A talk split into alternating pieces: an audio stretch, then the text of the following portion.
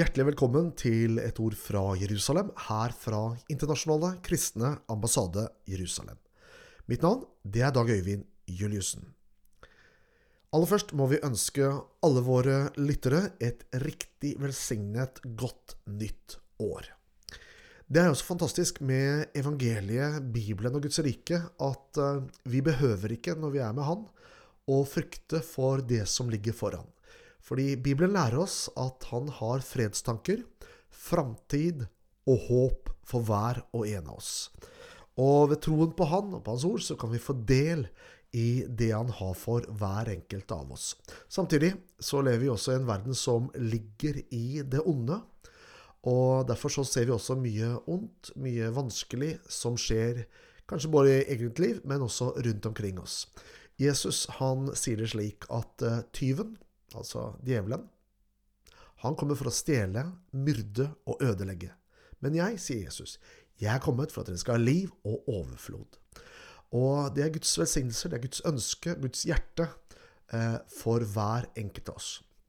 Og når vi snakker om Israel og det jødiske folket, så vet vi at deres historie er, har vært preget av mange tunge slag. Men den har også vært preget av Guds trofasthet og omsorg. Det jødiske folkets eksistens i dag er intet mindre enn et mirakel, og, de, og nasjonen Israels eksistens i dag er et bevis på at Gud lever, og at Bibelen er sann, og at Gud er trofast. Det finnes ikke noe annet folk eller etnisk gruppe gjennom historien som har blitt spredd ut, eller fordrevet fra landet sitt, spredd ut blant andre nasjoner, for så, etter lang tid, og når det gjelder jødefolket, etter 2000 år, kommer tilbake til det landet som de en gang bodde i. Og det fantastiske her er ikke bare at dette skjer, men Bibelen har entydig og klart beskrevet dette på forhånd, at dette kom til å skje. Nesten alle Bibelens profeter taler om at jødene en dag der framme skulle komme tilbake igjen til det landet som Gud en gang ga dem. At Gud selv skulle hente dem tilbake fra jordens ytterste kyster og, og, og, og, ender. I profeten eh, Jeremia kapittel 31 så står det at han som spredte Israel, han skal også samle dem og vokte dem, slik som en gjeter vokter over, eller våker over flokken sin. Fantastisk løfte, og det er det vi er vitne til i våre dager. Så jødefolkets eksistens, staten Israels gjenopprettelse i våre dager, jeg gjentar det, beviser at Bibelen er sann, beviser at Gud lever, og at han er en trofast Gud. Det er fantastisk.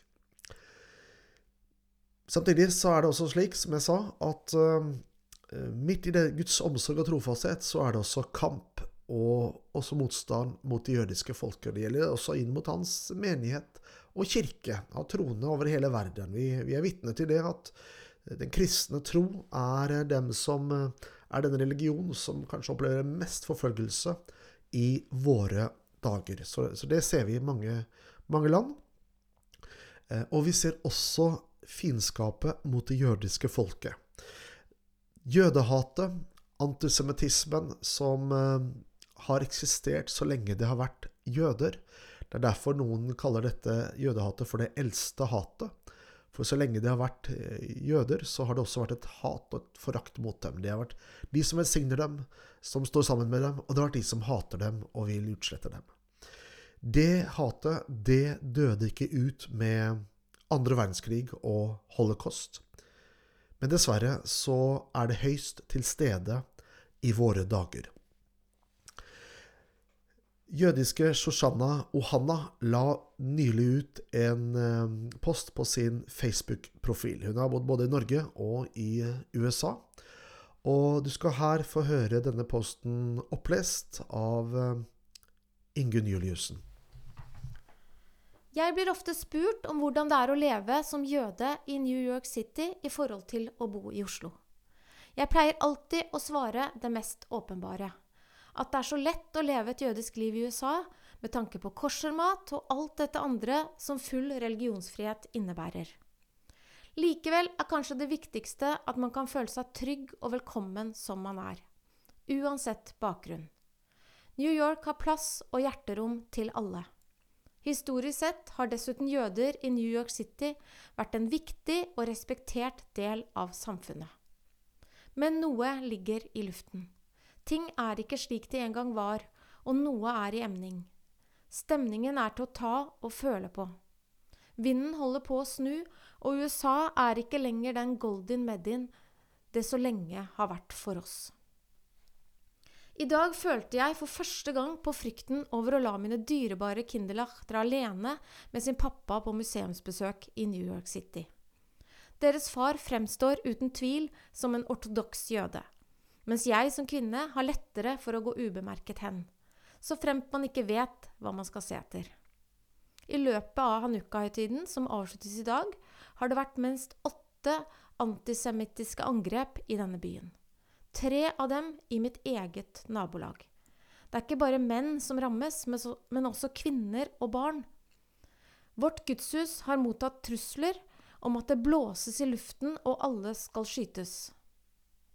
Senest i går kveld, under et hanukka-arrangement i Upstate New York, ble flere mennesker knivstukket med en machete. Tidligere denne måneden ble en jødisk matbutikk beskutt, og flere døde. Det egentlige målet for denne handlingen var den lille jødiske barneskolen som lå vegg i vegg. Mange snakker om at amerikanske jøder bør gjøre som mange av de europeiske immigrere til Israel. Personlig tenker jeg at en slik avgjørelse bør gjøres av kjærlighet til vår forfedres hjemland, ikke på grunn av frykt. Vi fortjener å kunne leve i trygghet hvor enn i verden vi er. Dette er en rettferdighet vi åpenbart fremdeles må fortsette å kjempe for i 2020. Ja, du hørte her Ingunn Juliussen som leste opp en post som jødiske Shoshana Ohana hadde lagt ut på sin Facebook-side. Dagens antisemittisme eh, er voksende, og den opererer gjerne i et triangel. Og dette triangelet, det er um, ytre høyre, ytre venstre og blant islamister. I dette trekløveret her så finner man um, eh, den voksende antisemittismen og jødehatet. Det vi hørte her fra denne Facebook-profilen, eller posten, det var jo at man også i USA ser at dette er i frammarsj. I Europa har vi sett det i lengre tid, i ulike land. Og en rekke steder så ønsker eh, jøder å skjule sin identitet når de er i det offentlige rom. Og spørsmålet er jo ikke først og fremst hva gjør jøder med dette, men hva gjør vi som ikke tilhører den jødiske minoriteten? Hvordan forholder vi oss til dette voksne problemet som vi er vitne til i Europa, og også i Norge, i våre dager. Den største faren det er at vi forholder oss som tause, eh, likegyldige tilskuere. Og særlig vi som er kristne. Uansett hvilket kirkesamfunn vi tilhører. Vi har et særlig ansvar i å stå opp i, når vi møter på dette uhyret Enten det kommer på den ene eller den andre måten. Det kan være på en arbeidsplass, det kan være på skoleplassen eller på skolegården, hvor det ropes ut din, eller sies din, din jøde, eller man snakker nedsettende om det jødiske folk. Da skal ikke vi tie stille, men da skal vi gi beskjed om at slikt tolereres ikke. For det har vært problemet opp igjennom historien mange ganger, når jøder har blitt forfulgt, og også enten kirken har stått bak det, eller at kirken og kristenheten har vært taus i møte med dette monsteret. Men Gud forby at dette skjer i våre dager. Du og jeg, vi kan ikke gjøre noe med det som skjedde før. Vi kan ikke gjøre noe med hva som skjedde under annen verdenskrig, det er for sent. Men vi kan gjøre noe med det som skjer i dag. Og vi har alle et ansvar eh, i å stå opp som et vern eh, og si tydelig fra, og ikke minst kirker. I våre menigheter så må vi også undervise våre barn, våre ungdommer og våre forsamlinger om, eh, om dette fenomenet.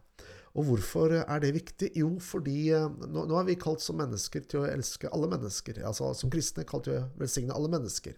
Og Gud elsker alle mennesker like høyt. Så det handler ikke om noe favorisering på den måten. Men Gud har utvalgt det jødiske folket på en helt unik måte, som også gjør at de er skyteskive for destruktive krefter opp igjennom historien. Eh, det gjelder også forholdet til Israel. Når Israel ble gjenopprettet i 1948, for litt over 70 år tilbake, så fikk jødehatet et nytt ben å gå på. Og det er noe vi er vitne til i våre dager, ikke minst i det norske samfunnet. Hvordan Israel demoniseres og trakasseres og behandles som en pariastat sammenlignet med andre, ikke bare demokratier, men diktatoriske regimer. Og i denne situasjonen så må vi som kirker, vi som kristne, eh, og egentlig alle gode samfunnsborgere, stå opp eh, og være et vern imot disse stemmene, disse røstene, som eh, gjør seg til kjenne gang på gang på ulike måter.